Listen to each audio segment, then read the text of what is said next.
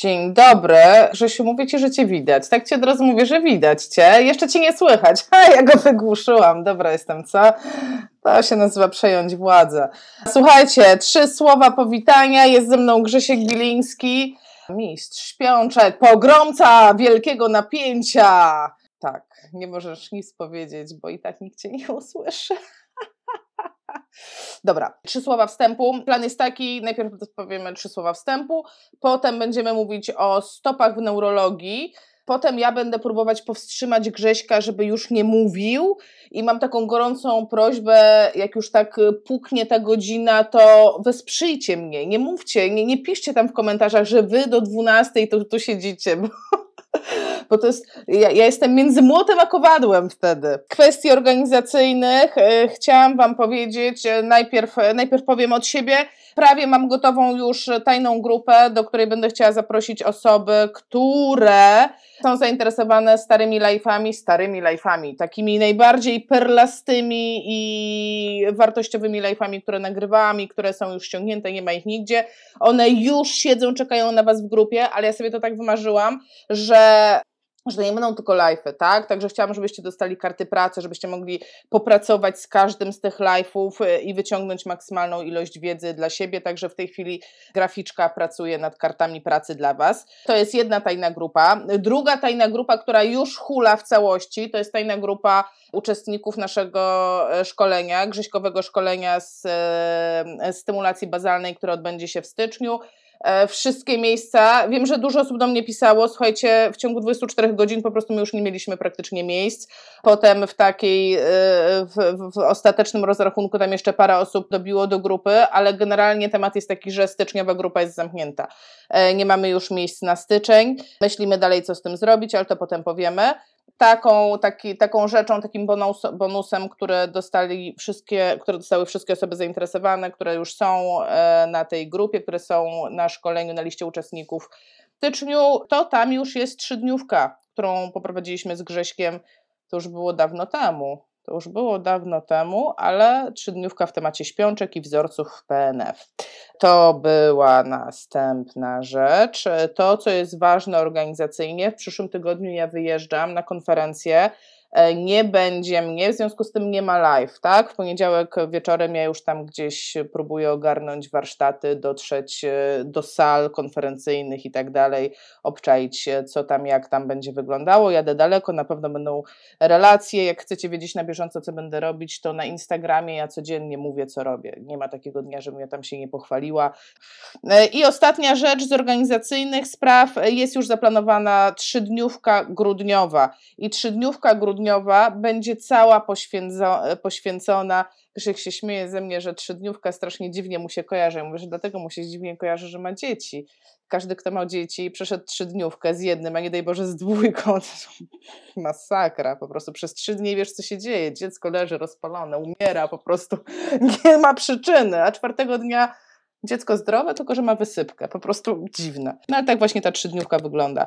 Więc w grudniu trzydniówkę mamy, uwaga, uwaga, z dokumentacji medycznej. Będzie najświeższa wiedza dotycząca dokumentacji medycznej. Dowiecie się po prostu wszystkiego, co da się dowiedzieć na temat dokumentacji medycznej. I tak szybko gadam, tak szybko gadam i uwaga, włączam Grzesia. Z siebie zamutowałam świetnie, kiedyś to ogarnę. Teraz już jesteś włączony, więc wszyscy Cię usłyszą. Dzień dobry. Dzień dobry, witam Was serdecznie na dzisiejszym live. Dziękuję Ci, Asiu, za wstęp. Woli tego, co powiedziałaś przez chwilę o, mm, o mm, dokumentacji medycznej. Słuchajcie, jeżeli naprawdę macie ciężkiego pacjenta, mm, bardzo ciężkiego, ja takich mam na co dzień, i nie wiecie, jak go opisać, wiecie, bo mamy ten cudowny ICF, to spróbujcie zrobić to, co polecał Oliver Sacks, cytowana ostatnio przeze mnie, myślę, że Olivera Sacksa, y, Aśka, jesteś w nim zakochana, przecież ty znasz Olivera, to jest taki gość, był, przepraszam, ma raka, no właśnie.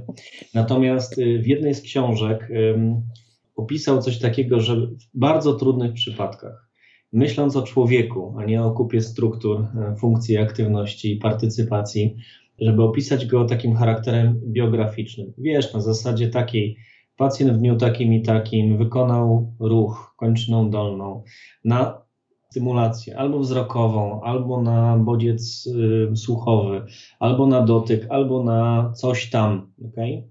Jeżeli to wszystko sobie spiszecie, to, to jest o tyle proste, że jeżeli przy pacjencie nie jesteś większość czasu, tylko przychodzisz do niego czasowo na godzinę albo dwie godziny terapeutyczne, to taki charakter biograficzny może opisać rodzina, matka, jakiś opiekun, który jest przy nim ciągle. Jest to taki pamiętnik, który ty potem umiejętnie możesz przełożyć na funkcję aktywność, a jeżeli nie potrafisz, to ja ci w tym po prostu pomogę, możesz do mnie napisać. Najzwyczajniej w świecie. Nie jest to wbrew pozorom trudne. No, generalnie w ogóle wszystko jest łatwe, jak się to wie, jak się to po prostu robi. Tak po prostu najzwyczajniej w świecie.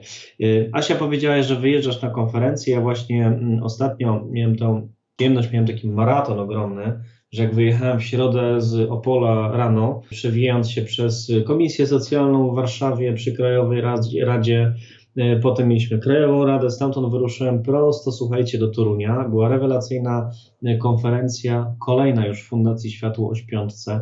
Niesamowite osobistości. Słuchajcie, to jest w ogóle totalnie inny świat. Jak przyjeżdża, słuchajcie, gościu, który ma tytuł profesora, jest jakimś w ogóle totalnym mózgiem, ma 2,5 tysiąca cytowań jego publikacji naukowych i on wychodzi w ogóle poprowadzić wykład w klapkach, w koszuli jakiejś jeansowej, w spodniach od dresu. O drugim profesorze mówi, Jacek pokazał to, a Zdzichu pokazał tam. To słuchajcie, że w ogóle koniec z bufoniarstwem. Naprawdę było absolutnie rewelacyjnie. Wiecie, co było ciekawe? Ciekawe było to, że mimo to, że konferencja była bardzo mocno mm, ufiksowana na neuronaukach. Po prostu słuchajcie, y, y, wymiar 3D, neuronauki, badania fMRI, młode osoby, które dopiero jakieś tam doktoraty zaczynają, miały super arcyciekawe wystąpienia. Mm, I bardzo ciekawe pytania były z sali. Okazało się, że no, pokazały się osoby, które po prostu pracują na co dzień z pacjentem. Mają ogromne doświadczenie, ogromną wiedzę. Poznałem bardzo fajną osobę, Madzia Orzechowska, młoda dziewczyna z Warszawy, aczkolwiek powiem Wam szczerze, petarda. To jest niesamowite, że nie trzeba mieć 100 lat, żeby być po prostu super mądrym. Można być młodym człowiekiem, będąc parę lat po studiach i mieć tak ogromne doświadczenie, że ja od takiej osoby jestem przekonany, że chciałbym się po prostu uczyć. A w ciągu tych, y, na moim wykładzie mówiłem właśnie o kompetencjach. Tak, gdzie są kompetencje? Mm, pokazałem pacjentkę, którą miałem przyjemność konsultować aż w Irlandii, bo do Irlandii mnie ściągnięto. I to, co zrobiła rodzina, przyjaciele, y, uzyskując tak niesamowite efekty, nie mając praktycznie żadnych kompetencji. Absolutnie nikt nie miał dyplomu medycznego, ale ja im to wytłumaczyłem, co mają zrobić jak to mają zrobić? Rozdałem zadania w 4 dni, w dwa miesiące. Niesamowity efekt, słuchajcie, po prostu petarda. Wszystkim nam tego życzę.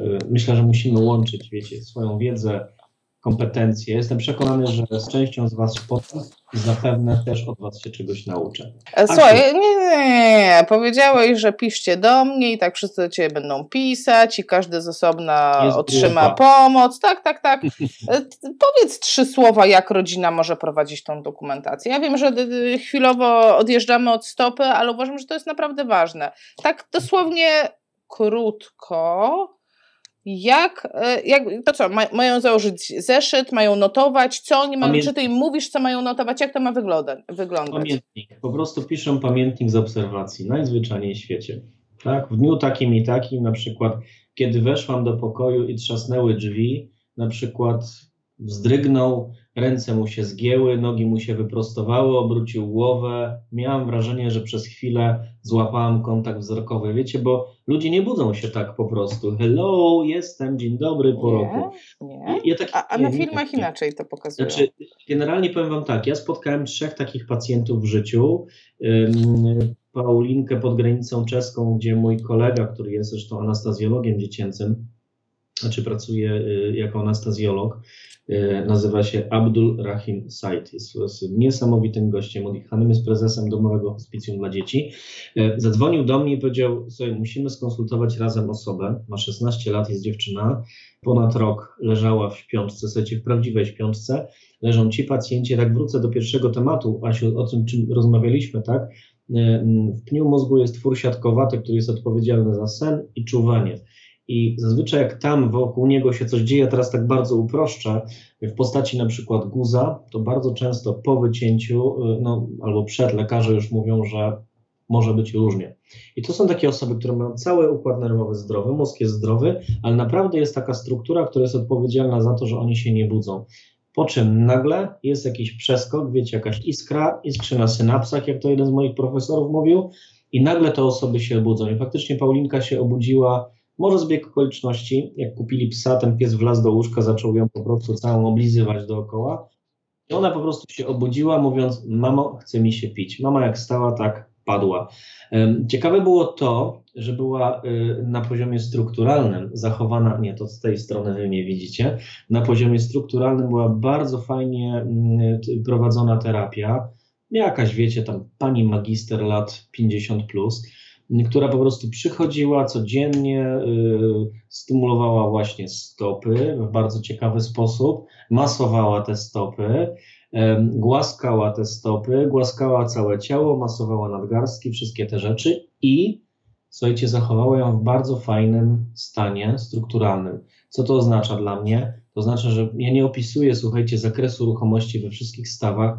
Nie wiem, chyba że wy macie na to czas, żeby test y, y, robić SFTR. Ja nie mam na to czasu. Jeżeli mam pacjenta, dzisiaj takowy też do mnie przyjechał, Przemek, to opisuje, że zakres ruchomości stawów zachowany funkcjonalnie. Gdyby Was ktoś zapytał, bo mnie kiedyś takie pytanie zapytał y, doktor, co to znaczy w ogóle stan funkcjonalny? No, opisał funkcjonalny zakres ruchomości Arystoteles, więc chyba trochę dawno temu. Y, wydaje mi się, że, że, że wystarczy, żeby na przykład położyć się na boku, przejść do pozycji siedzącej, zdjąć koszulkę, ubrać, przebrać pacjenta, tak? No bo tyle. Bo tak naprawdę nie wiem, czy wiecie, ale zakres ruchomości y, chyba w latach 50. tamtego stulecia w Stanach Zjednoczonych dwóch gości sobie wymyśliło, że zbadają, co znaczy zakres ruchomości. Wzięli 2000 ochotników, nie wiem, czy to ty to wiesz, ale dwóch gości wzięło 2000 ochotników i zmierzyło im zakres ruchomości, wyciągnęli średnią. Y, to byli studenci y, Harvardu i żołnierze marynarki wojennej Marines. Jak to ma się dla pacjenta po udarze mózgu lat 75? No chyba nijak, wiecie, to tak trochę, ok? Dlatego zakres funkcjonalny, tak po prostu. I zróbcie sobie też wywiad z rodziną, jaki ktoś miał zakres y, funkcjonalny, w zakresie kim był, bo to naprawdę w śpiątce widać. Jeżeli ktoś siedział pół życia przy biurku, to po prostu może mieć ograniczoną zakresu ruchomości, tak po prostu e, grupy kulszowo-goleniowej, które będą manifestowały tym, że on jednak tej nogi mu nie podniesiecie wysoko. Ja się spotkałem z tym, że kiedyś pani doktor stwierdziła, to trzeba ostrzyknąć botoksem u pacjenta po udarze, a ja zmierzyłem drugą nogę i droga była dokładnie taka sama. I ja mówię, no ten facet był architektem. On siedział pół życia przy biurku, i dlatego ma po prostu przykurcze, nie ćwiczył zupełnie nic. Ona mówi, no jakoś na to nie wpadłam, wiecie, tak. Jak jest, tak jest czasami, że jak pacjent ma hemiplegię, to mierzymy tylko tą jedną stronę. Jakby w ogóle y, składał się ze strony lewej, długo, długo nic, a potem prawej. A nie masz tak, tak nie y, a z, y, ja mam tak z barkami, wiesz, że ci, którzy siedzieli dużo, po położeniu mają barki w powietrzu. I no. wtedy, no. i wtedy no, trzeba to uwzględnić w pozycjonowaniu tego pacjenta. A tak w standardzie, nie wiem czy w książkach jest to, e, wypełnij przestrzeń pomiędzy materacem a barkiem pacjenta, jeśli on tego potrzebuje. Zazwyczaj kładzie się tą osobą należy, tak? A jak, jak, jak jesteś skifotyzowany, to te barki w tym momencie w powietrzu wiszą, tak? Mhm. Pokazywałem to, wiecie co, na warsztatach, na zdrowej zupełnie osobie. W Toruniu też warsztaty prowadziłem z, z, z terapii bazalnej. Faktycznie, to co Asia mówi, że jak się położy na plecach, to ten bark odstaje, a właściwie dłoń wisi w powietrzu. No jak naciśnie się tu, to bark się podnosi, jak tu, to tu. No taka po prostu oto zależność. Słuchajcie, to co jest ważne, pozycji supinacyjnej, w leżeniu na plecach, jeżeli macie pacjenta, e, szczególnie pacjenta właśnie wiotkiego, takiego zaraz po uszkodzeniu mózgu i widzicie taką sytuację, moja prośba, podeprzyjcie ten bark, nie wciskajcie go tam i podeprzyjcie tą dłoń. Dlaczego? Dlatego, że pierwsze, co się pojawi, to działanie przeciwko sile grawitacji. Więc ten pacjent, żeby ruszył dłonią, będzie musiał podciągnąć bark do przodu. ok? Czyli jakby ustawić go protrakcyjnie. Najpierw trzeba zniwelować grawitację po to, żeby nałożyć na to ruch. Jeśli pozostawicie go w polu grawitacyjnym, to będzie on musiał z tą grawitacją, czy będzie musiał się w tej grawitacji odnaleźć. Czy to, co ostatnio się rozmawialiśmy o tym, to nie jest patologia, tylko to jest strategia układu nerwowego. Tak po prostu. To patrz, zjedźmy od razu, jak już ten pacjent leży, a my go, no właśnie, widzisz, wyczułeś, po prostu wyczułeś moje wibracje. Tak, jak już ogarnęliśmy mu te barki, to zastanówmy się, on leży dalej, bo to jest, to jest pytanie po prostu, które pojawia się zawsze i wszędzie. To podpierać mu te stopy, czy nie podpierać mu tych stóp? Podpierać, jak najbardziej podpierać. To jest jakby jedna rzecz, że możemy podeprzeć stopę. Ważne jest to, że jeżeli ona już jest podparta, ważne, żeby to podłoże pod tą stopą było stabilne, ok? Um, trudno jest budować, y, bo wiecie, jeżeli tą stopę podeprzemy, to z dwóch powodów. Wrócę na chwilę do Paulinki, która się wybudziła po roku. Um, jedyna rzecz, której właśnie terapeutka nie robiła, nie podpierała stóp, nie dawała jej y, aproksymacji w PNF-ie, kompresji w bobatach, a po prostu po polsku docisku okay, nie stymulowała y, y, czucia głębokiego, czyli nie dawała informacji o obciążeniu, może tak zacznijmy. Y, I skończyło się to tym, że po wybudzeniu ona miała potężną, słuchajcie, absolutnie przeczulicę stóp. Więc ja pierwsze dwie godziny spędziłem na tym, po posadzeniu jej, a siedziała całkiem fajnie, przytrzymywana przez mamę, żeby w ogóle oprzeć stopę na podłodze, ponieważ nikt nie robił tego przez rok. Czyli wiecie, miała masaże, miała jakieś tam elementy terapii manualnej, ale układ nerwowy nie dostał informacji aferentnej, wstępującej o obciążeniu. Czyli masaż, czyli masaż to za mało, tak? Czyli masaż to za mało. Masaż to za mało. Pamiętajmy, że jeżeli pomyślimy sobie o, o głębokości stymulacji, to masaż jest na poziomie y, czucia powierzchownego, głębokiego, jest związany z takim systemem powiązań pomiędzy głębokim systemem a powierzchownym i to jest system wibracyjny. Okay? E, on jednak wnosi coś do czucia głębokiego, ale też jest odczuwalny na poziomie y, receptorów skórnych, tych głęboko położonych. E, więc masaż jest super, jak najbardziej, polecam. Uważajcie ze stopami, bo stopy, stopy, tak jak i dłoń, Y, mogą być częścią intymną albo osobistą. Więc znowu od części zewnętrznej dopiero potem próbujemy y, y, pośrednio, to znaczy docisnąć stopę, żeby tam, wiecie, nie włazić od razu z takimi paluchami, ja kiedyś tak robiłem, wiecie, to się musi dać rozmasować. I zabrałem się do roboty. Był to pacjent po urazie czaszkowo-mózgowym z zespołem odhamowania czołowego. Słuchajcie, to był hit. Pojechałem do niego jakieś 40 kilometrów, wiecie, Człowiek ukończył kurs PNF podstawowy, rozwijający, kliniczny, bobaty, no przecież to się musi dać rozciągnąć, nie? No i tam siedział sobie chłopak na wózku, ja tą stopę sobie przyłożyłem i zacząłem ją tam od spodu miętolić.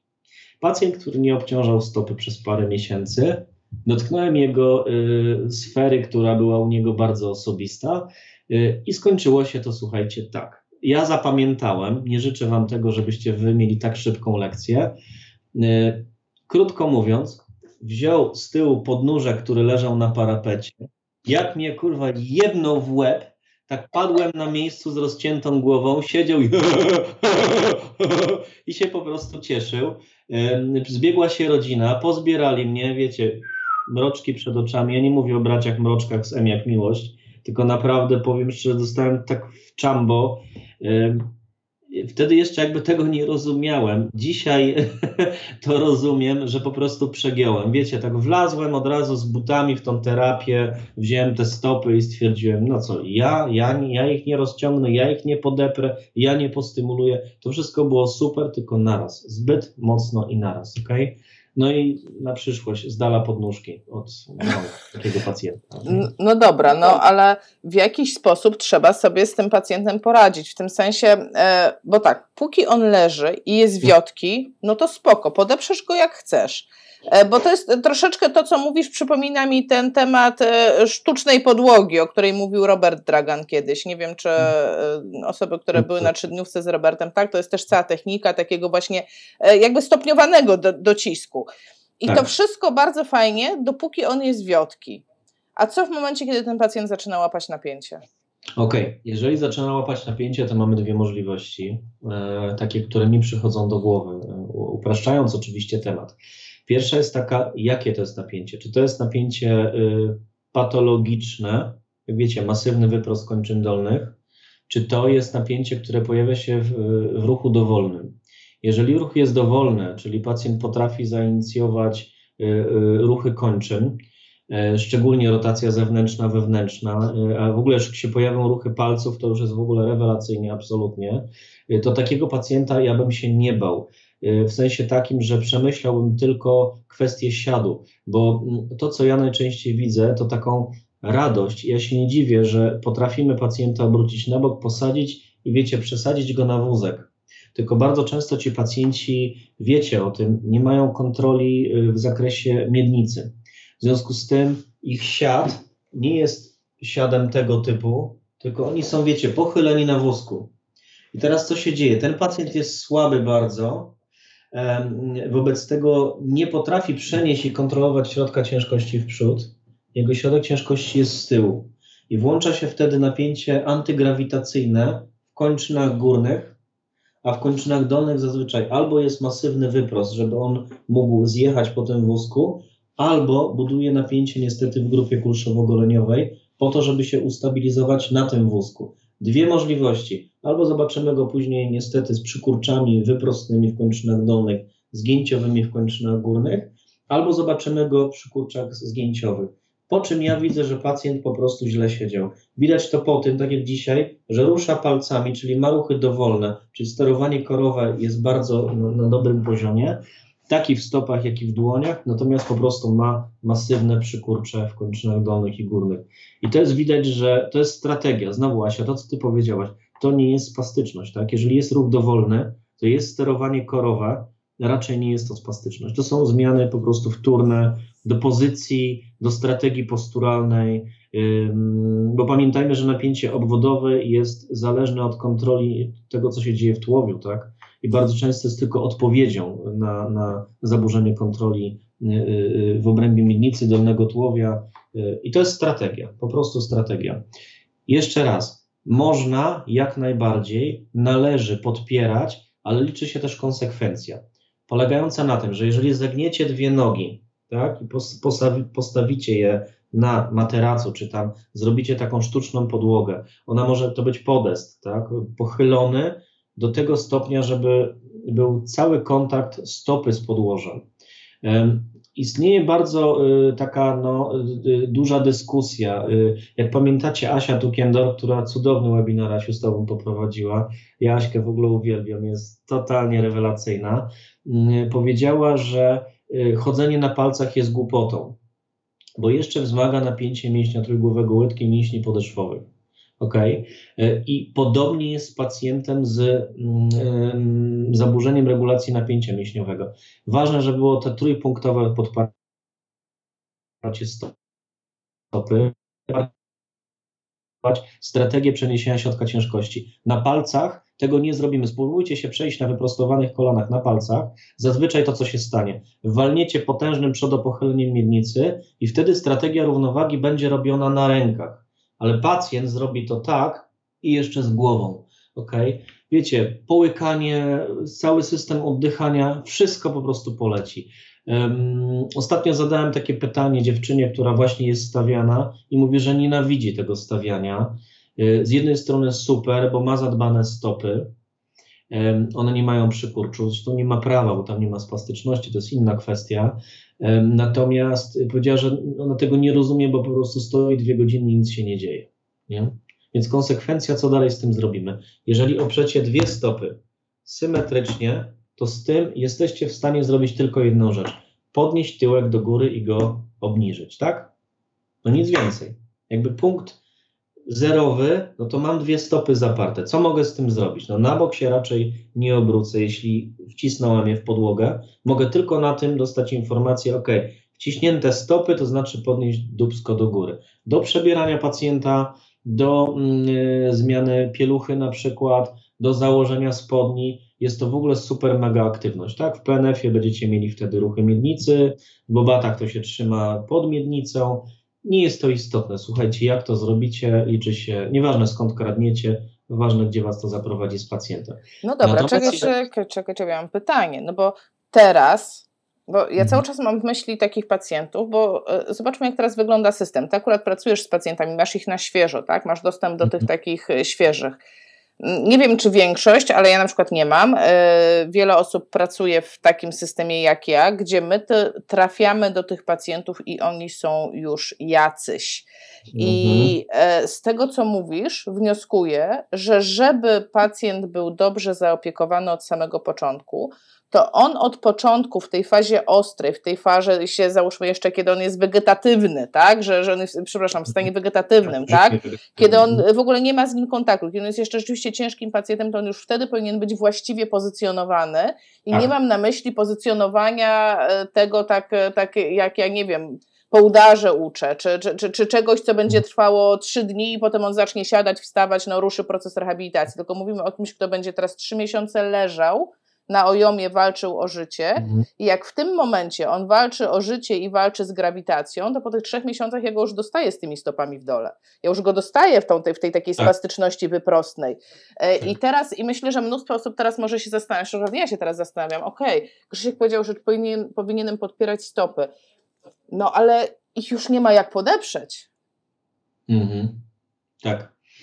E, powiem Wam tak, jeżeli, jeżeli już trafi, tak jak Asiu, Ty zapytałaś, taki pacjent, który, no właśnie Przemek dzisiaj, który do nas przyjechał, a był w paru ośrodkach, właśnie taki jest.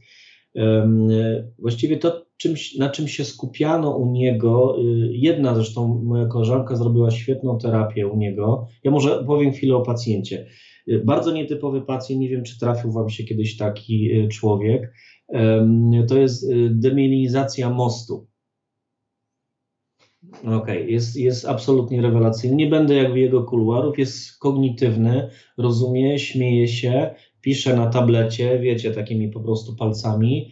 Y, pod, przykurcze ma, ale potrafi wykonać ruch dowolny, potrafi rucha, ruszać palcami, manifestuje ruchy do środka i na zewnątrz, jeśli chodzi o rotację wewnętrzną, zewnętrzną w kończynach dolnych. Natomiast masywne, potężne przykurcze achillesów, mięśni trójgłowych łydki, mięśni podeszwowych, y, po prostu stopy ustawione w supinacji, końsko-szpotawo, po prostu masakrycznie.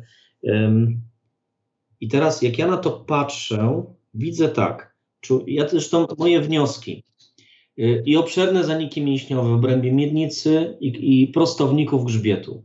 Pierwsza rzecz, która mi przychodzi na myśl, człowiek nie miał przenoszonego środka ciężkości w przód. We wszystkich terapiach oczywiście nie ma żadnej dokumentacji na temat sposobu postępowania. Niestety, słuchajcie, wpisuje to. Natomiast z opinii jego miał oczywiście wirówki, miał masaże, miał lasery, ale jedna osoba przyszła do niego, Asia, zresztą twoja imienniczka, yy, którą ja znam, która zrobiła bardzo fajną rzecz. Posadziła go na wózku i napisał mi na tablecie, że pochylała go w przód. I to jest w ogóle absolutna rewelacja, bo wiedziała, że musi zbudować napięcie w prostownikach. Y, jeżeli tego nie zrobi, nie skontroluje prostowników, to zawsze pochylenie w tył da tak masywny wyprost i tak patologiczne napięcie mięśniowe. Czyli człowiek, który leży, jest bardzo słaby, zawsze będzie chciał jakoś zafunkcjonować. Więc pierwsze, co zrobi, to będzie próbował przenieść środek ciężkości jak najbliżej głowy, którą chce podnieść. Nie ma nic lepszego, jak zrobienie tego, żeby wysunąć po prostu głowę w przód. I to jest strategia. Okay? Teraz okazało się, że nie potrafi w ogóle zrobić żadnej y, aktywności w postaci obrotu na boki. Tak? Y, czyli krótko mówiąc, jak chce się obrócić na bok, to naciska guzik, ktoś przychodzi go na bok obraca. Niestety bardzo często terapeuci robią takie rzeczy. To ja też kiedyś je robiłem. Słuchajcie, no niestety nauka wymaga ofiar. Wygląda to w ten sposób, tak, że ćwiczymy sobie jakieś wzorce na plecach, potem obracamy pacjenta na bok, ćwiczymy łopatkę, ćwiczymy miednicę, potem go sadzamy, on siedzi, potem go przesadzamy na wózek, potem go pionizujemy do stania. Nie jest istotne, że pacjent był w punkcie A, teraz jest w punkcie B. Ważne, jak on w tym uczestniczył. Jeżeli on w tym nie uczestniczy, to neurodydaktycznie on się nie uczy zupełnie niczego. Ja widzę masę takich pacjentów, rano Wojta, w południe Bobat, po południu PNF. Na pytanie, jak byś się chciała przesiąść, dziewczyna mówi nacisnąć guzik. Ja mówię, od czego to jest guzik? A przyjdzie ktoś i mnie obróci. Ok? Wiecie, i to jest strategia. Ok? Czyli jest, tak mózg nie zna wzorców, nie zna mięśni, mózg zna się na funkcjach. Teraz ta funkcja musi być wykonywana z udziałem pacjenta. To nie obracajmy go po prostu. Y, ja wiem, że czasami nie mamy czasu, ale nie obracajmy go. I teraz wracając do tych stóp, to co jest ważne. Jeżeli oprzemy pacjentowi w ogóle, jeśli chodzi o stopy, to co jest ważne, to samo co w dłoniach.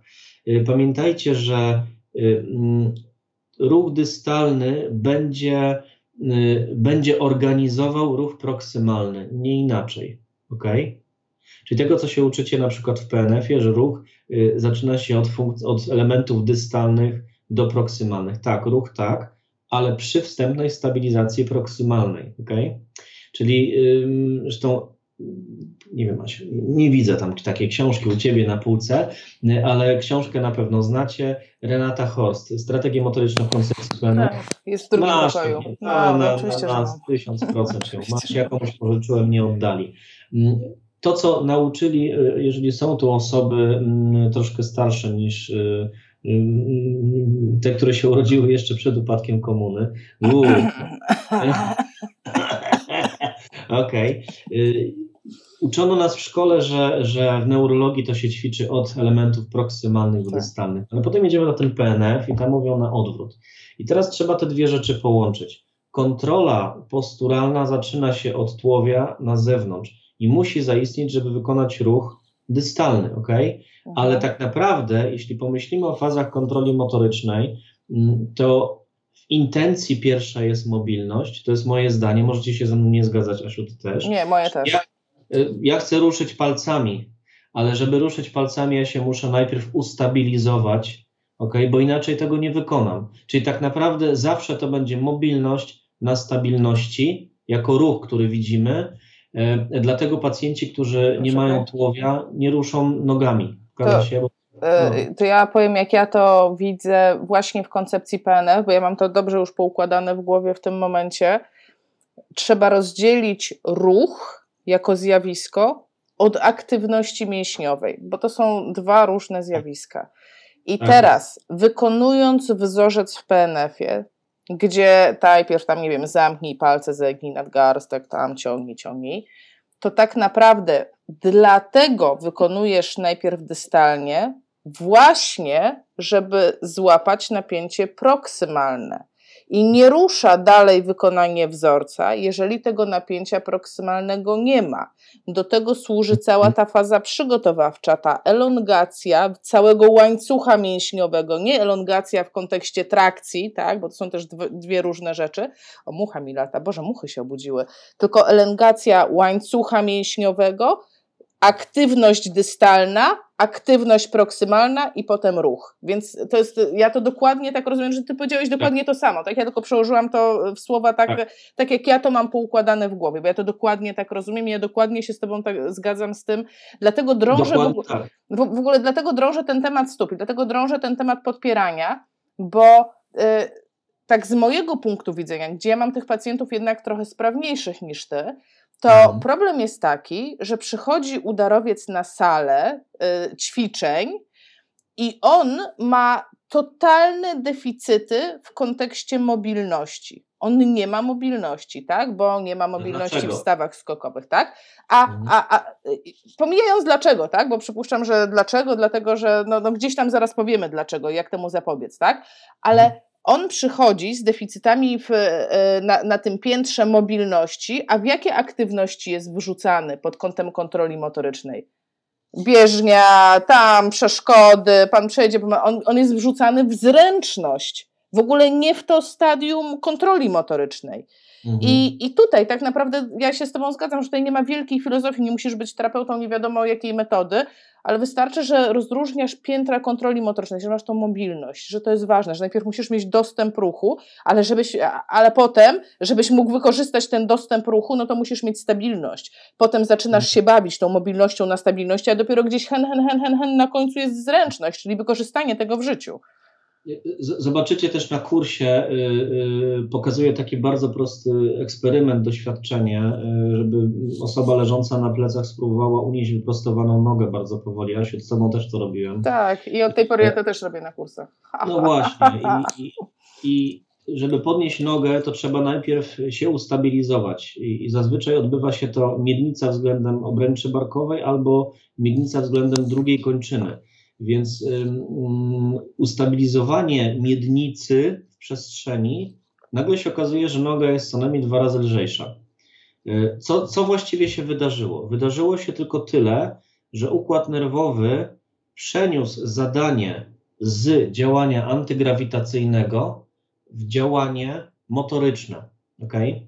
To jest ta różnica. I teraz patrząc na zdolności układu nerwowego, jeszcze raz powtórzę, wydaje się, oczywiście możecie się ze mną nie zgadzać, jak przyjdziecie na kurs, to zobaczycie, że dokładnie tak jest. To będzie tylko jedno z narzędzi. Okay?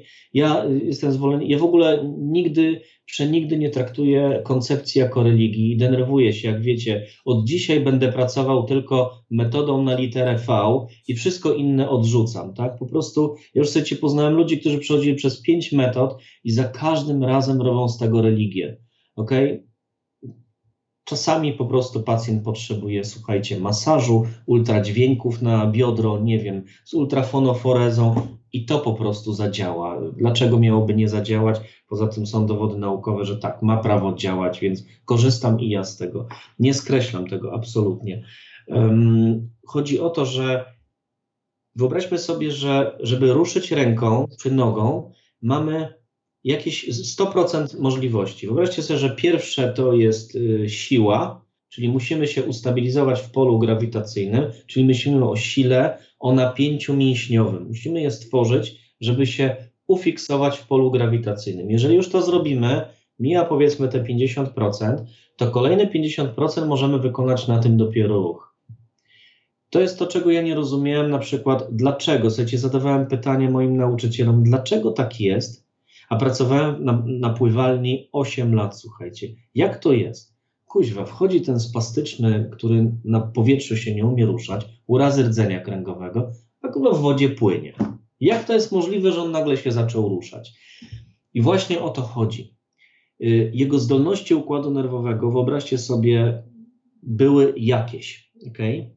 I teraz on musiał wytworzyć napięcie, żeby w ogóle zaistnieć w polu grawitacyjnym. Natomiast jak wsadzimy go do wody, to grawitację z niego ściągamy. Wobec tego przechodzi ta zdolność układu nerwowego na działanie motoryczne i ruch. I dlatego tak to się po prostu dzieje. I teraz, Asia, wracając do tego, co zrobić z tym pacjentem najpierw. Ustabilizujcie coś, względem czego będzie mógł pacjent ruszyć. Największy błąd, jaki ja kiedyś popełniłem, a jak opowiedziałem o tym na warsztatach w Toruniu, to co najmniej 20 osób się zaczęło z tego śmiać. To pacjent, który jest bardzo ciężkim pacjentem, kładziony jest na boku i ma robione kombinacje wzorców łopatki i miednicy albo tak zwaną kuleczkę. Masywne zgięcie, masywny wyprost. Słuchajcie, nie.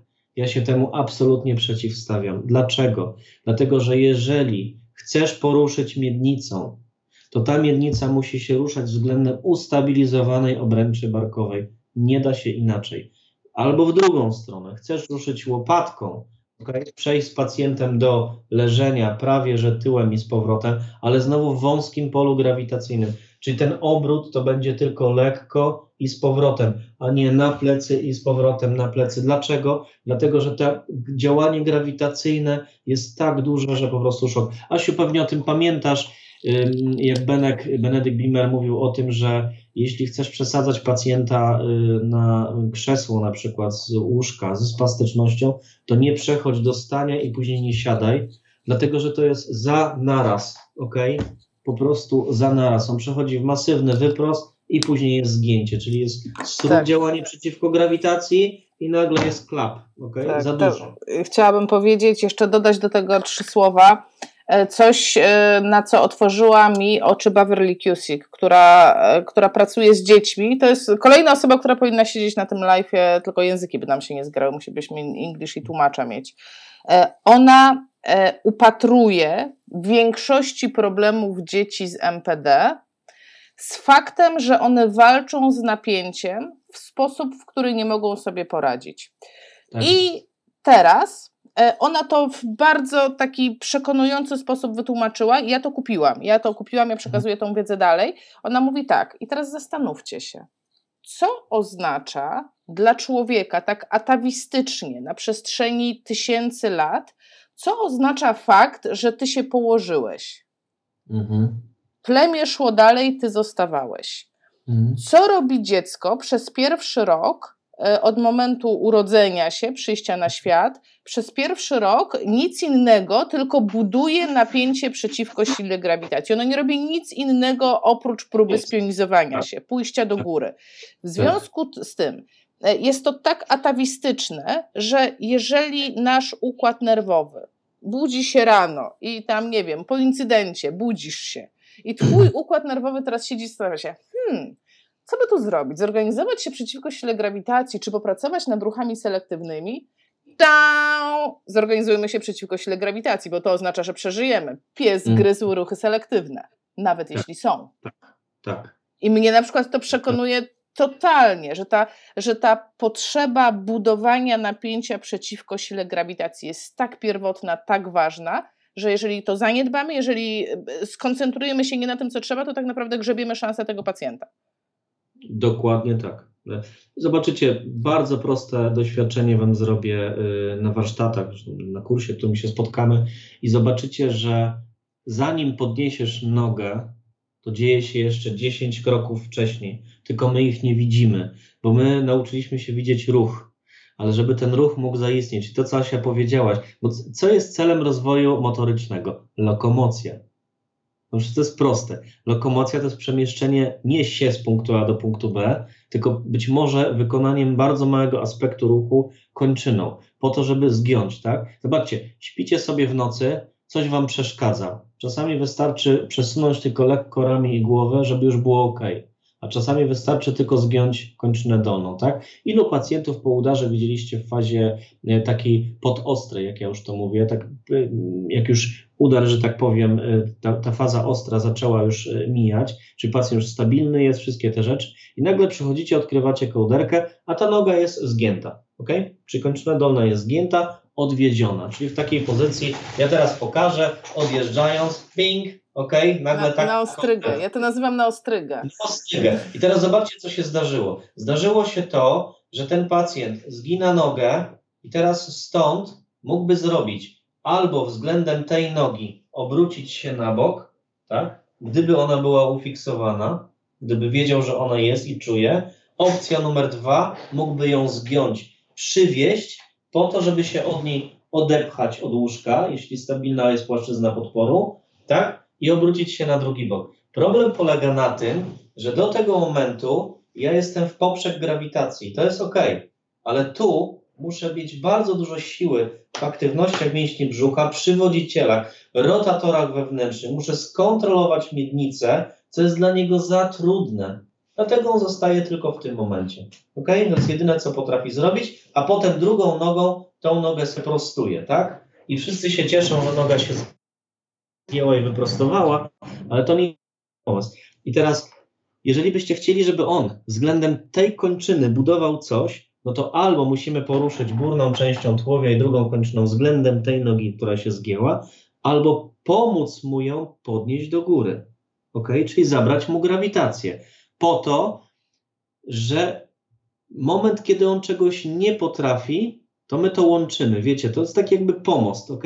Jedziesz sobie, jedziesz samochodem nagle nawigacja mówi e, prom. ok? No nie ma drogi, niestety. I teraz my dajemy tą kładkę, przejedź po prostu, czyli pomagamy pacjentowi zgiąć tę nogę, przywieźć ją do środka, po to, żeby ją docisnąć. Po co docisnąć? No właśnie, po to, żeby dać informację do układu nerwowego, ja teraz mogę się od niej odepchać, ale punktum fixum musi być stabilne, ok?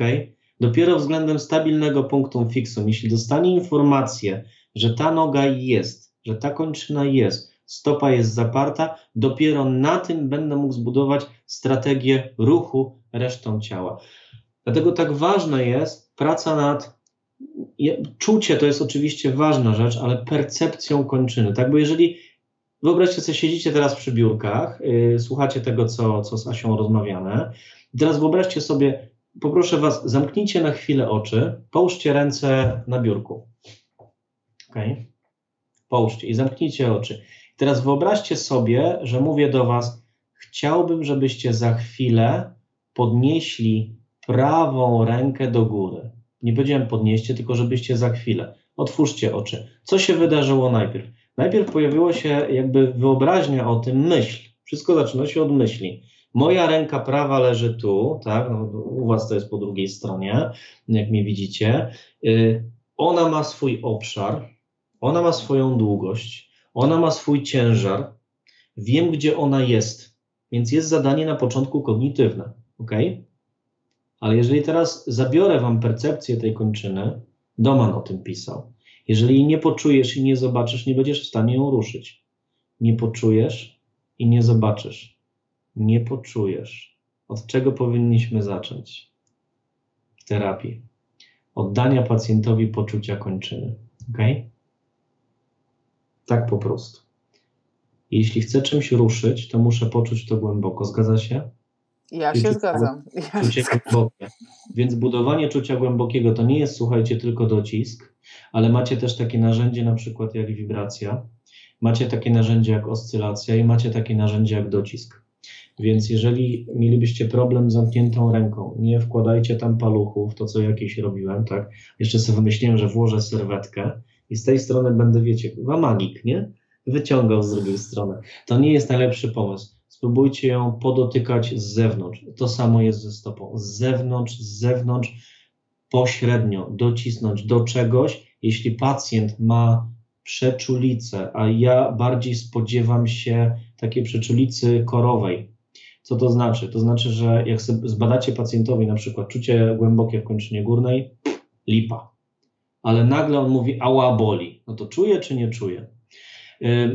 Na poziomie neurofizjologicznym jest to trochę tak, że jeżeli straci ośrodek odpowiedzialny za kontrolę stopy czy też dłoni, e, to wiemy z neuroplastyczności, że te, ta reprezentacja jest rozsiana w różnych ośrodkach. Wobec tego wielkość tych, tego ośrodka, który zna się na tej nodze, czy zna się na tej ręce, to jest moja noga, ja ją kontroluję, to jest mój obszar, znam się na tym, jest reprezentowany w innych miejscach. Wobec tego układ nerwowy reaguje trochę tak, że mm, pierwsze co czuję, no to czuję to, co pozwoli mu przetrwać, tak, Asiu? Ja powiedziałeś, człowiek jak się rodził, stado szło, trzeba było przetrwać. I tu jest dokładnie tak samo. Łatwiej jest zbudować strategię najprymitywniejszą, boli, potrafię to schować, zabrać, nie tykać, nie dotykać. Nie stymulujmy tego wtedy, wiecie, w ten sposób. To, to nie jest najlepszy pomysł. Y, ta Paulina, która się wybudziła ze śpiączki, ja rozłożyłem docisk w czasie. Bardzo powoli, słuchajcie, nawet na 10 minut, ale musi być akceptowalny, tak, żeby nie dostać tym podnóżkiem w łeb. Za szybko, za mocno. Ok? Patrzcie na reakcję pacjenta, patrzcie na, jak możecie się z nim dogadać, to już jest w ogóle super. Y, ja patrzę, jak on oddycha, jak się poci, tętno na monitorach, wszystkie te rzeczy.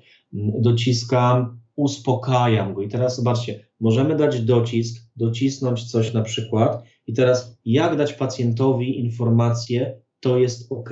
Odwrócić uwagę układu nerwowego od tego, co robimy i przenieść, żeby nie skupiał się układ nerwowy tylko na czuciu głębokim w docisku, ale żeby dać mu informację, to jest ok, nie bój się tego. Wystarczy wraz ze wzrostem włosów bardzo powoli przetrzeć w dół, ok? Po to, że każdy włos ma połączenie bezpośrednie z układem współczulnym jeżeli będziecie wzdłuż y, razem z włosem, tak jak byście chcieli kogoś pogłaskać, ok? Wtedy wyciszacie ten układ i on jakby odwraca trochę uwagę, czyli przenosi część zadania z czucia głębokiego na to czucie powierzchowne na poziomie somatycznym. I to jest bardzo fajne, słuchajcie, to jest tak cholernie proste, mm, że jak trafiła do mnie jakieś pacjentka po udarze mózgu z bardzo dobrego gabinetu z Wrocławia, Y, to powiem szczerze, jak przeczytałem, oni mieli dokumentację medyczną, to w ogóle byłem znaczy nie byłem zdziwiony, bo znam ten gabinet, bardzo fajnie zresztą była prowadzona. Mówię, to po cholerę pani do mnie przyjechała, ma pani świetną terapię, ja znam ten zespół, on jest świetny, bo mnie ta ręka boli. i noga mnie boli. A od kiedy? No, 5 lat już mnie boli. No i faktycznie oni wpisali w dokumentację, że ból na poziomie 8 w skali WAS. Ja zrobiłem tylko i wyłącznie pracę ze stymulacji bazalnej, czyli zrobiłem dokładnie to samo co oni, dodając do tego percepcję kończyny górnej, z wyciszeniem, z wyobrażeniem sobie, jak ta długa ręka jest, mówiąc z poziomu kognitywnego przy zamkniętych oczach łokieć, przedramię, nadgarstek, palce. I znowu, ok? Proście sobie 4 dni, ból spadł do dwóch. Tak po prostu. To, to wtrącę się y, z takimi ciekawostkami, tak? Bo ja nie mam nic do dodania generalnie mądrego w tym wypadku, ale to, co mi przychodzi do głowy y, w temacie technik, o których mówisz, y, one się pojawiają generalnie jak zacznie się kopać w tematyce bólu, a ja w pewnym momencie zaczęłam kopać w tematyce bólu, o tym dużo mówi David Butler.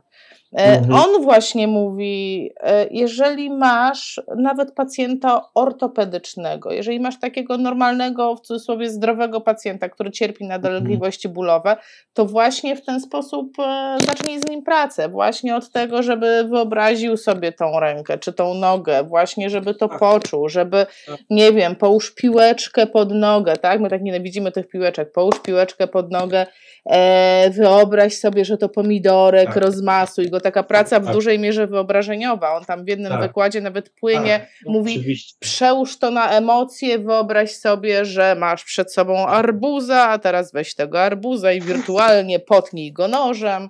Wszystko dobrze, dzieci? Trzydniówka? Wszystko dobrze. Nie, ja szukam takiej książki, bo dostałem kiedyś od mojej mm, byłej studentki, a dzisiaj przyjaciółki, książkę o bólu.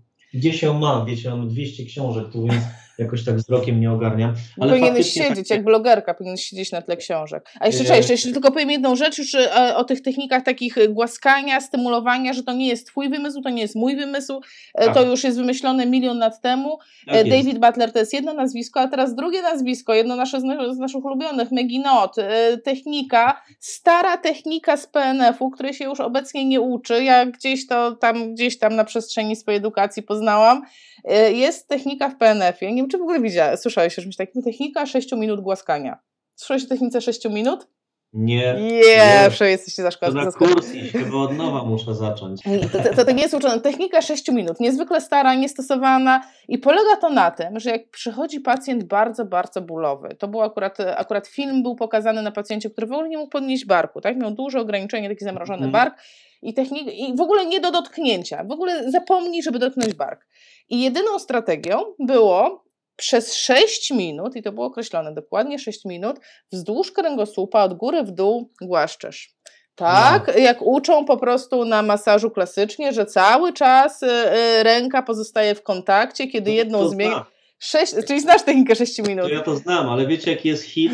Hit jest taki, że nauczył mnie tego instruktor stymulacji bazalnej, że to jest zgodne z zasadami PNF-u i nauczył mnie też y, rzeczy z bobatów, o których ja na bobatach byłem na kursie i nie słyszałem. I wiecie jaki jest hit? Hit polega na tym, że tych rzeczy nauczył ich profesor Andreas Fryliś starszy człowiek, z którym się spotkam zresztą w przyszłym miesiącu y, w Ostrawie, y, a on nauczył się właśnie od Megi Not i on nauczył się od Bobatów bo ich znał. I słuchajcie, to jest jakiś szok, że po prostu o pewnych rzeczach się was zapomina. Tak. Bo to za głupie, Grzesiek, bo to za głupie. Kto by masował pacjentów? Przecież masaż jest głupi. Zobacz, jaki jest hejt na masaż, ale odbiegliśmy od nogi. Ale zobacz, jaki jest hejt na masaż. Ja? Ja nie masuję, jestem fizjoterapeutą. Ale dlaczego? No właśnie, no właśnie. Jezu, bracie, super. No, super, że to Jak wpadam do zakładu opieki leczniczej i, i patrzę, jaki jest, kogo wy tu macie. Daj, masażystę macie, dawajcie mi to masażystę. Ja mu zaraz pokażę, jak to robić. Wiecie, co jest ciekawe, że na warsztatach w Toruniu ze stymulacji bazalnej pokazałem kilka rzeczy i był e, taki doktor, e, Jacek Szmalec się nazywa, słuchajcie, po prostu taki facet, zjadłem z nim e, śniadanie, obiad, nie, obiad, obiad. Wyobraźcie sobie, że Oczywiście chcę, żebym przyjechał do Torunia, wykłady prowadził u niego na uczelni. Nie wiem, co znaczy u niego, jeszcze się nie dogadaliśmy, że to jest jego uczelnia, czy on tam pracuje, czy jest dziekanem. Nieistotne, ale jest, słuchajcie, gościu, y, mam nadzieję, że kiedyś trafię do niego na kurs, żeby się od niego tego nauczyć. On jest y, instruktorem masażu Szantali. I mówi, że to wszystko, co ja dzisiaj powiedziałem, jest zgodne z tym, co on się nauczył jako instruktor i to przekazuje, tylko że po prostu na mniejszych dzieciach, tak? I słuchajcie, nie ma chude patentu, tak? Ja powiem wam szczerze, jestem skłonny powiedzieć, yy, kiedyś się na to jeżyłem, wiecie, bo jak człowiek jest taki młodziutki i skończył metodę taką, sraką, owaką, to, to myśli sobie, nie, teraz tylko ta metoda, będę dzisiaj pracował, nie, tylko ta metoda, nie, to cała reszta to jest F, B i w, w ogóle. Yy, ale przyszło mi ostatnio przytaknąć, yy, pewnie nas nie słucha, jest taki człowiek, nazywa się Jan Szczegielniak, jest konsultantem krajowym w dziedzinie fizjoterapii i być może różne opinie y, o nim krążą, natomiast pamiętam, jak powiedział mi, że, mm, że właściwie pan se może stosować, co pan chce, to nie musi nazywać się metodą, ważne, żeby to działało na pacjenta. I można się tego po prostu nauczyć od kogoś innego, można tego uczyć studentów, można w ogóle to, to dojdzie do tego, że tych metod to niedługo może nie będzie wcale, że każdy będzie sobie brał co chce i faktycznie rzeczywiście tak jest. Ja jeżeli chodzi o stymulację stopy, to wyobraźcie sobie, że mm, robię na przykład wzorzec, kawałek wzorca PNF, ok, stymuluję sobie rozcięgna podeszwowe techniką SIMS Bobatów, ale jednocześnie zakładam sobie mobilizację stawu skokowego, którą nauczyłem się od Gera Placmana. A skąd już on to ukradł? To jeden grzyb raczy wiedzieć. Jest ważne to, że to po prostu działa i tyle. Okay? To powiem Ci, e, ja jestem, zawsze powtarzam to, że jestem dumna z uczelni, którą skończyłam, bo jestem po AWF-ie warszawskim i ja to, co Ty mówisz, usłyszałam na studiach na pierwszym roku, kiedy mieliśmy praktyki i tam, nie wiem, dzieci ze skoliozami jakieś tam i my się pytamy, -hmm. panie magistrze, panie magistrze, a czy my możemy stosować ćwiczenia asymetryczne? Nie skończyliśmy kursu z tej metody. A on do nas, tak, a, no bo to te czasy, że wszystko, kurs no, trzeba było, tak, tak? Ale to ona się nie skończyła się te czasy. Tak? E, znaczy, no ja liczę, no dobra, to jest temat na inną dyskusję, tak? E, I, I on wtedy mówi, słuchaj, będziesz fizjoterapeutą, możesz stosować co tylko zechcesz, jeśli umiesz to zrobić. To mhm. kwestia jest tego, że po prostu, żeby nauczyć się tego gdzieś, tak? I zresztą dlatego robimy to, co robimy w tej chwili, tak? Siedzimy o godzinie 23.02. Nie, to na Twoim czasie. Dobrze, e, okej. Okay. E, musimy pójść dalej, tak? Bo leci to już jest ten czas, gdzie zaczynam gonić, a ja bym chciała jeszcze Cię pociągnąć e, o temat ortez u leżącego, śpiącego pacjenta ortezy na stopy. E, tak czy nie? E, od razu powiem, e, co ja wiem. Nie spotkałam się w Polsce ze stosowaniem ortez. Za to Baverly zalecała stosowanie tych ortez na noc, ale nie zwykłych, tylko tak zwanych RWRAP-ów, czyli ortez pełnokontaktowych, czyli żeby był kontakt i od strony tylnej, i od strony przedniej na stopie. Także proszę o komentarz. Już oczywiście. E, trzy razy tak. Ale teraz wytłumaczę dlaczego. Pierwsza rzecz jest taka, jeżeli mm, mm, mój błąd, jaki popełniłem, pamiętam jak, e, wiecie, nie wiedziałem co robić za bardzo, ja mieszkam w Opolu, a jeździłem na kursy w różne miejsca i zazwyczaj miałem taki e, z moją życzą Gosią, że braliśmy sobie swoich pacjentów i wieźliśmy od razu na kurs. No przynajmniej zobaczymy, co tam ktoś wymyśli, nie? Zawsze jakaś podpowiedź. No i faktycznie w którymś momencie pacjentowi ze spastycznością, z takim supinacyjnym ustawieniem stopy, mm, z mm, zgięciem podeszwowym, y, założyliśmy stopę, założyliśmy ortezę no właściwie na stopę opadającą. Wiecie, to taka, co, co z boku trzyma stopę. Problem całej takiej stopy, oczywiście wezwał mi instruktor, mówi Honotu, co, kto to, kto? Ja mówię, no ja, ja założyłem, was Niemiec przywieźli przecież, nie? No, słuchajcie, normalnie Made in Germany napisane, nie? To nie są tanie rzeczy, proszę pana. I on mówi, to nie jest dobry pomysł. Ja zapytałem dlaczego. Dlatego, że jeżeli y, stopa od spodu jest bardzo mocno unerwiona, tak? Ona ma bardzo dużo receptorów, Asia zresztą Tukiendorf o tym mówiła. Ja nie będę tego uzupełniał, bo myślę, że temat tak mocno po prostu pojechała z tym tematem, że, że, że, że nic dodać, nic ująć, siedziałem, tylko kiwałem głową albo tak, albo tak. Jak tak, to przytakiwałem, jak kiwałem tak, to mówię, ludzie, ale ta ma łeb normalnie. Jeżeli nie zaprzesz, y, jak dasz informację tylko w jednym miejscu, to układ nerwowy otrzymuje informację, że tam coś jest i egzystuje, więc nakazuje mu dowiedzieć się, co to jest i zaczyna to pchać. Więc generalnie podpierając stopę z jednej strony albo tylko w jednym punkcie, właśnie tworzysz punktum fixum, w które układ nerwowy będzie zawsze pchał. Więc de facto napinasz mięśnie, których nie chcesz napiąć. Dlatego dużo lepiej jest, jeżeli w, w, bardzo prosty sposób Wam to wytłumaczę. To, co powiedziała ta osoba tysiąc razy tak, jeśli dasz informację, ustawisz w pośrednim ustawieniu stopę i dasz informację z wszystkich stron, to jest tak, jakbyś stał na skrzyżowaniu i tysiąc osób pokazywało ci zupełnie inny kierunek, w którym masz iść. Co robisz? Stoisz w miejscu, ok? Stąd właśnie taka strategia, czyli dajesz informację, ale ona dochodzi z wszystkich stron, a nie tylko z jednego miejsca. Ok? To jest jak najbardziej tak.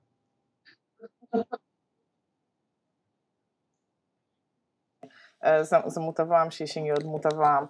E, rozumiem, że wkładałbyś pacjentów wiotkich w te ortezy, no bo spastyczne, tak. no pewnie mogłoby to mm, nastręczać jakichś kłopotów, tak? Powiem Wam szczerze, jeśli chodzi o spastyczność, to nie mam ortezy, która by tak naprawdę działała. Powiem Wam szczerze, to jest ogromny kłopot, bo testowałem naprawdę już ortezy y, nawet po 3000 zł. Ja robię sobie to w ten sposób, że um, sprawdzam, jak pacjent, po pierwsze go pytam, jak on się w tym czuje. Naprawdę, słuchajcie, samopoczucie, y, y, być może ktoś powie, że a co to jest samopoczucie? No samopoczucie to jest nasza podświadoma, czyli znaczy na, na poziomie świadomym informacja z podświadomego systemu o tym, że coś nam pasuje lub nie. Bo pamiętajcie, że kontrola motoryczna jest poza naszą świadomością, więc do świadomości dociera, y, nie bardzo mi się w tym dobrze chodzi. Ale zróbcie sobie, dostępny macie, którego się uczycie Time Up and Go, Y, możecie go oczywiście zrobić klasycznie. Ja modyfikuję, no, piszę to oczywiście w dokumentacji na dystansie 10 metrów, bo wtedy mam więcej danych, więcej kroków, czas mi się inaczej zmienia i tak dalej. Y, sprawdzam sobie równowagę.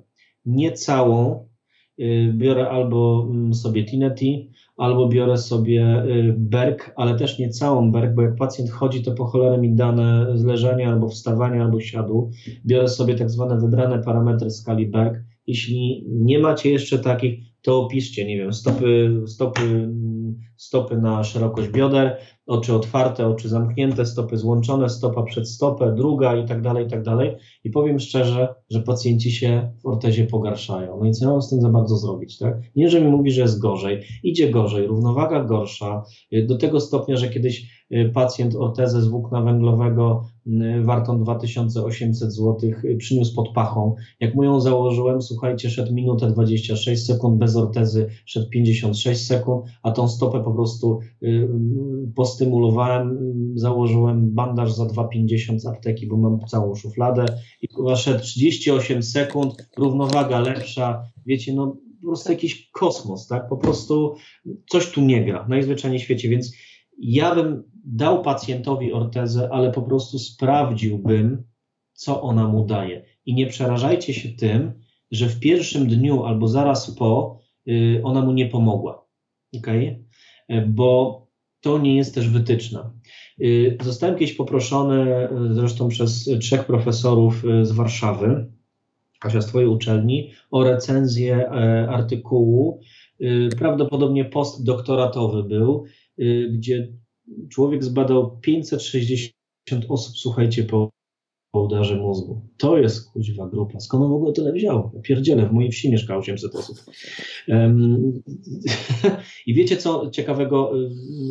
Całym, ja się w ogóle, dla mnie była super absolutnie e, ten artykuł. Natomiast co było ciekawego? Wyobraźcie sobie, że on w obserwacjach dwuletnich badał równowagę Y, badał skalą porządkową brumsztą kończynę górną, kończynę dolną, y, badał również chód i badał jakość życia. I okazuje się, że jeżeli ci się pogorszy pacjent w teście Time Up and Go, nie oznacza to, że pogorszyła mu się funkcja kończyny dolnej, ani jakość życia, ani równowaga. Że po prostu tak może się dziać.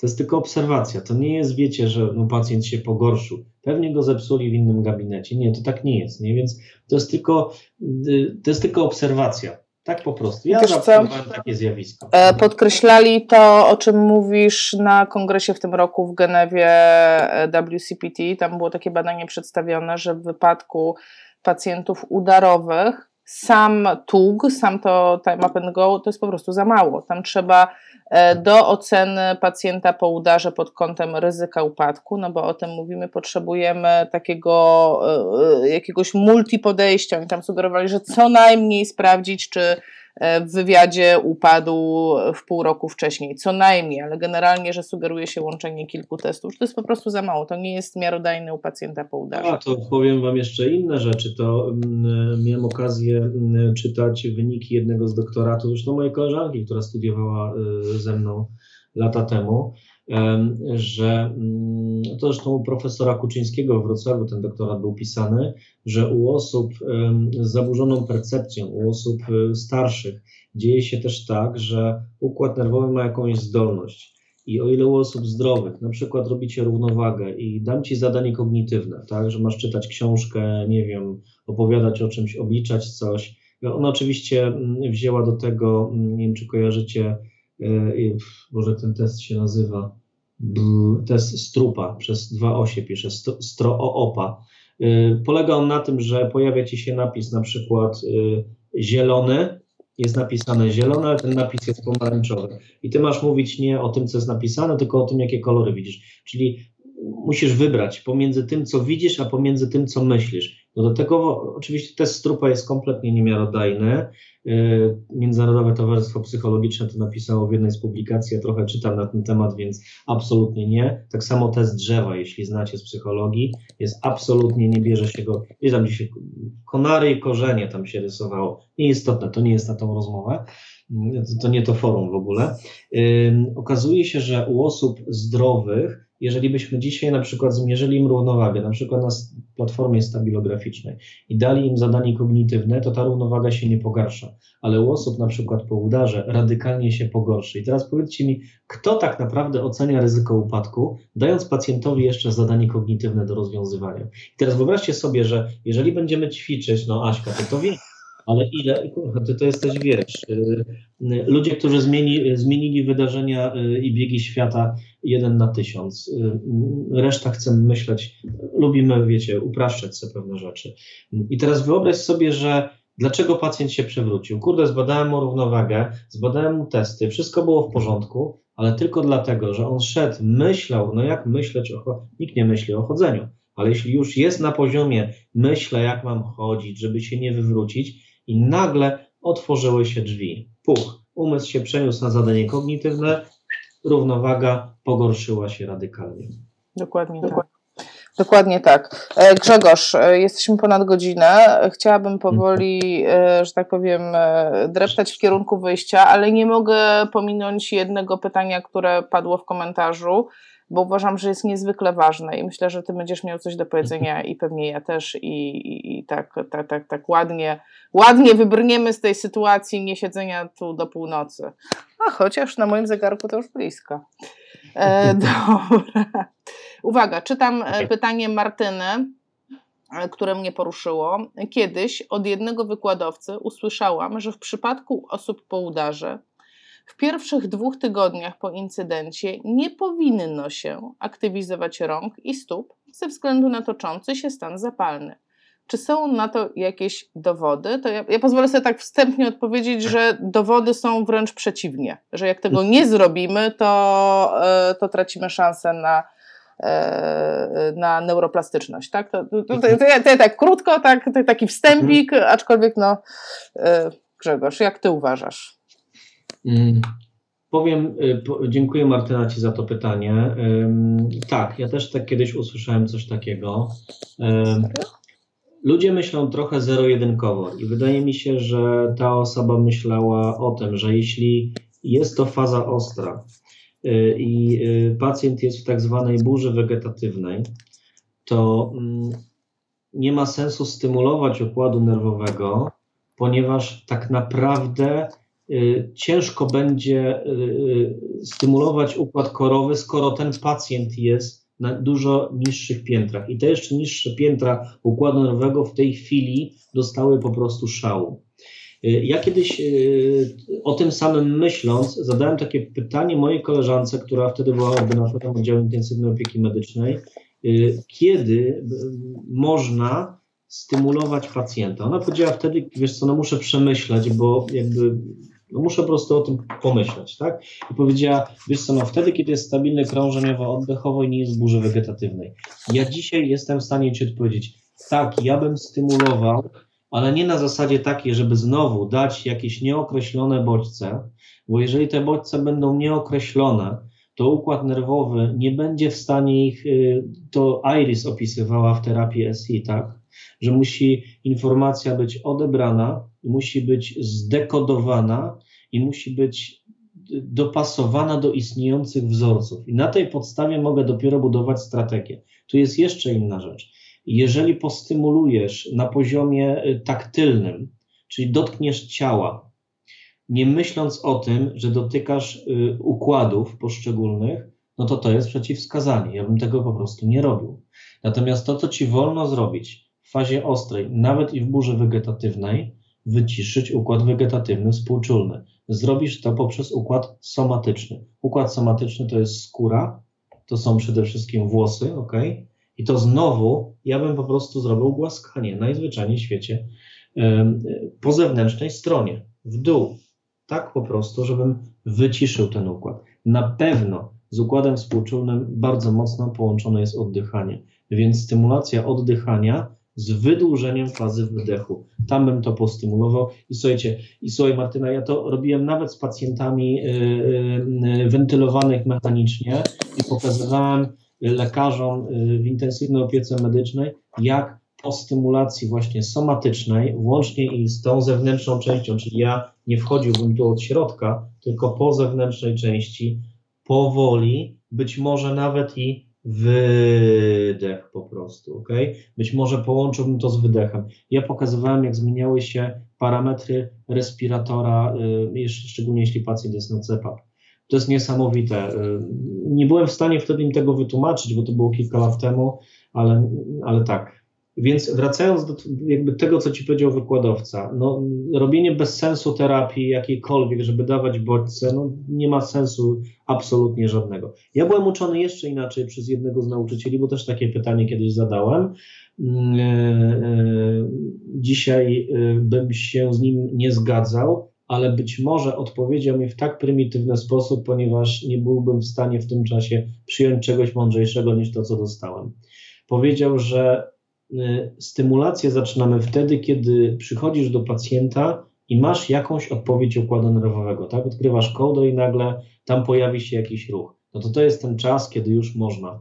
Dzisiaj tą barierę przeszedłem dużo, dużo dalej i nawet w burze wegetatywnej u pacjenta bym był w stanie wejść. Ale jeszcze raz mówię, oddychanie, skóra, układ somatyczny, wegetatywny, wyciszenie. Okay? Dobrze, to ja dodam jeszcze od siebie, wyjęłam taką książkę, nie wiem czy widać. John, John Krakauer. To jest mhm. facet. Teraz uwaga, ciekawe ile jest osób z nami, prawie 200, cudownie. E, John Krakauer, taka książka, która się nazywa Broken Movement. Facet nie robi nic od 20 lat, tylko bada udarowców. On po prostu bada, co się dzieje w mózgu po udarze. On wywołuje udary u zwierząt, sprawdza, co się będzie działo po tym udarze, wrzuca te zwierzęta w programy ćwiczeń i mhm. on to sprawdził na modelu zwierzęcym, że jeśli nie pozwolimy na rozpoczęcie, mm, już teraz powiem, powiem tak ogólnie, ćwiczeń pacjentowi natychmiast mhm. niemalże po udarze, to de facto zabieramy mu to okienko takie neurologiczne, ja to tak nazywam, tak, e, ten okres zwiększonej neuroplastyczności, na, który występuje na skutek uszkodzenia tkanek mózgu. I teraz, y, i tutaj badania są bardzo brutalne, odpowiadając na pytanie też Martyny, bo, bo, bo badania to pokazują nam po prostu wprost, jeśli chodzi o udarowca, jeżeli w pierwszym miesiącu ten udarowiec nie rusza ręką, nie mamy tych ruchów czynnych, to on ma tam 90% y, y, szansy na to, że te ruchy nigdy nie wrócą. Więc to jest no generalnie to jest niesłychanie istotne, żeby zacząć rehabilitację właśnie od ręki. Tylko w mądry sposób, tak jak Krzysiek powiedział, tak? Nie, nie byle jak. I teraz, teraz uchylę wam rąbka tajemnicy, ten facet, pierwszy raz o tym mówię oficjalnie, wow, ten facet udzielił mi wywiadu, więc e, jest już w obróbce dla was wywiad, e, duży wywiad na temat e, generalnie udaru mózgu i części osób może się nie spodobać, bo to jest lekarz, on nie patrzy naszymi oczami na e, pacjenta i on mówi wprost, że fizjoterapia to za mało. Że to, że my godzinę przyjdziemy do pacjenta, to jest. to jest po prostu dużo za mało. Więc e, ja myślę. E, no...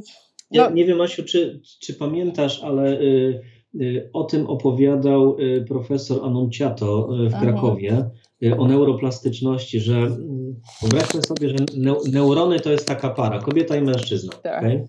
I nagle jeden neuron zdech, tak, umarł. Tak, a ten drugi. A ten, no, ten tak. I ten, dru ten drugi jest na początku w szoku, nie wie co ma zrobić. Ale przychodzi taki moment, kiedy on myśli sobie, głupio jest żyć w pojedynkę, nic nie mogę zrobić, y, więc ma dwie możliwości, tak. Wersja kobieca, e, ubiorę się. Może... I rozpylę wokół siebie.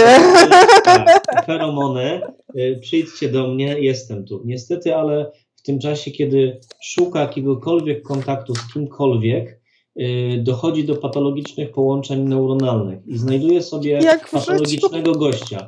Po prostu, najzwyczajniej w świecie. My w terapii musimy być jak taka przyjaciółka, która czy przyjaciel tak. powie, słuchaj, no to połączenie jest po prostu ciulowe, tak. jak to Ślązoki mówią, y, godoją. Y, to nie jest partner dla ciebie. Muszę ci znaleźć dobrego partnera i tym dobrym partnerem jest pokazanie prawidłowego ruchu, tak. a nie ruchu patologicznego. Tak.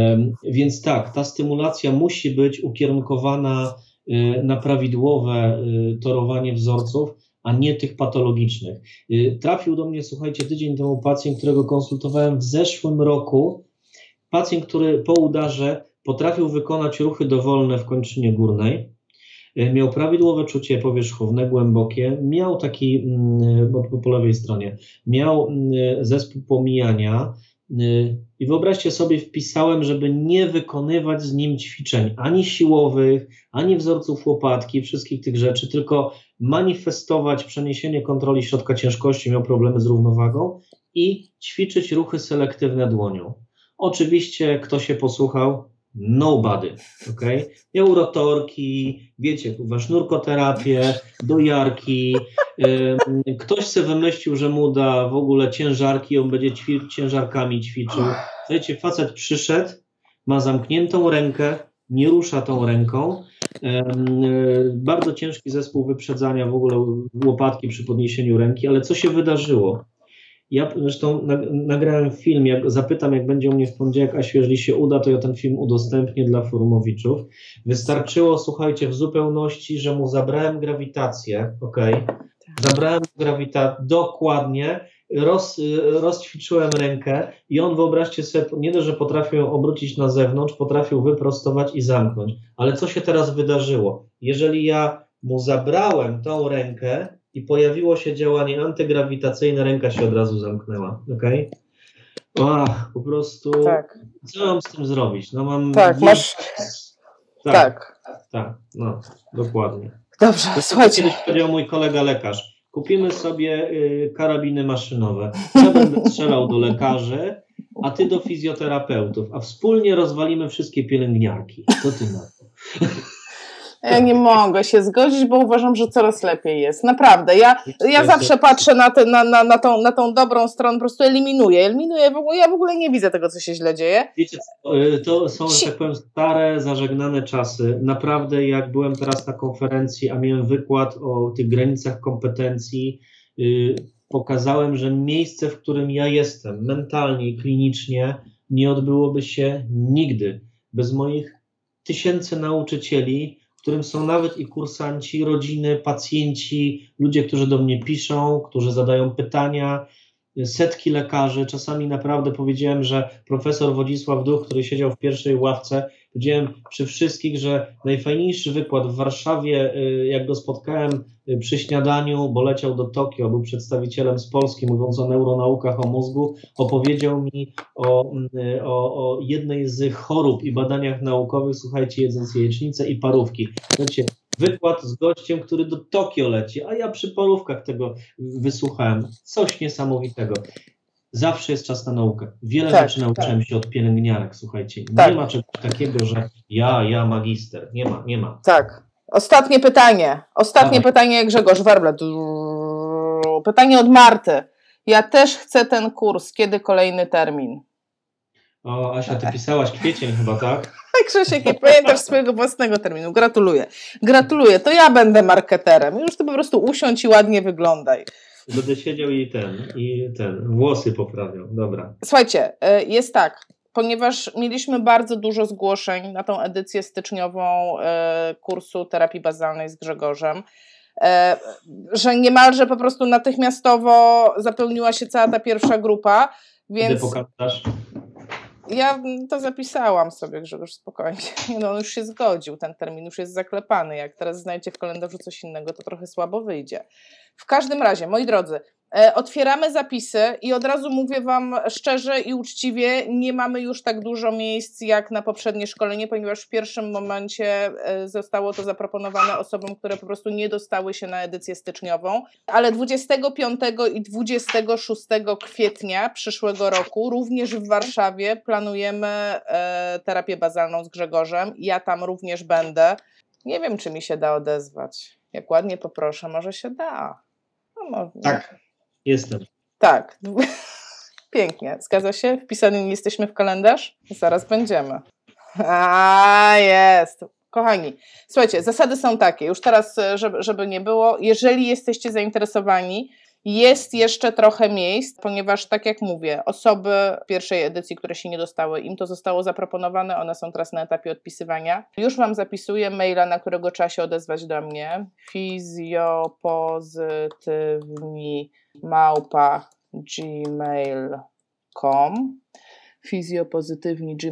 słuchajcie, na tego maila piszecie, hej Aśka, cześć, ja chcę, ja, ja, ja, ja, e, ja pozbieram przez kilka dni te osoby chętne i potem wysyłam instrukcję, co robić dalej, żeby pozostać na liście. Jest to bardzo prosty krok, trzeba płacić zaliczkę. Zaliczka to jest 200 zł w tym wypadku i na dzisiaj Wam jeszcze nie powiem, jaki tam będzie termin, ale jak już się zbierze grupa, przypuszczam, że to mhm. będzie dość szybko, to po prostu ja roześlę te maile i ruszymy dalej. Więc no tak, Grzegorz, to jest to. Było jeszcze pytanie, czy jeszcze kiedyś się spotkamy trzeci raz. Jak znam życie, to pewnie to zrobimy, aczkolwiek trudno mi powiedzieć kiedy. Za tydzień ja jadę do, e, jadę do Francji. Jak wrócę, to na pewno będę chciała Wam opowiedzieć e, coś na temat, temat e, urazów rdzenia kręgowego, bo to jest tematyka kongresu. Mhm. No a potem. No, a ja potem... też, jeżeli chcemy, e, na pewno się spotkamy. Słuchajcie, droga grupo, jak tylko wrócę z Ostrawy, spotkam się z twórcą koncepcji stymulacji bazalnej, bo powiedział, że bardzo chce mnie poznać. Jadę, słuchajcie, będę miał okazję poznać i profesor Andreasa Felicia, i profesor Haupt. Także cieszę się bardzo. Zaprasza mnie moja koleżanka Karolina Friedlowa Malone jak po czesku mówi, to nic nie brzmi poważnie, wyobraźcie sobie. Mam nadzieję, że tą konferencję przetrwam i że nie będzie w języku czeskim, e, bo to po prostu ten. No i co? Powiem Wam, co było ciekawego. Jakbyście byli ciekawi z neuronauk, mogę Wam kiedyś takie zrobić spotkanie z Asią, e, streszczenie, nawet właśnie z konferencji, e, na której byłem w Toruniu. Ciekawe rzeczy, wiecie, tak zbiorę do kupy w kilkunastu zdaniach, kto co wykładał, o czym to były wykłady, ciekawostki takie, bo jesteśmy tak skonstruowani, że to jest fajne. No. Tak, ja jestem za, jak najbardziej. Uważam, że to jest super, więc e, trzeba się dzielić takim, tako, taką wiedzą. Tak uważam, że jeżeli gdzieś jeździmy i jeździmy na niszowe rzeczy albo jeździmy na kosztowne rzeczy, na takie, na których nie ma, to ja mam, ja, może nie chcę użyć takich słów, że psi obowiązek, ale ja to trochę tak traktuję, że, że, że naprawdę, to przecież, no, wszyscy urośniemy dzięki temu, tak? Mnie nie ubędzie, że ktoś inny wie, tak? Tak. No, Dobrze, kochani, Amen. Pozdrawiamy Was, ściskamy. Piszcie maile, jeżeli chcecie wziąć udział w bazalnej e, w kwietniu. No i do zobaczenia za dwa tygodnie. Pa! Do zobaczenia. Ciao, dziękuję Wam bardzo.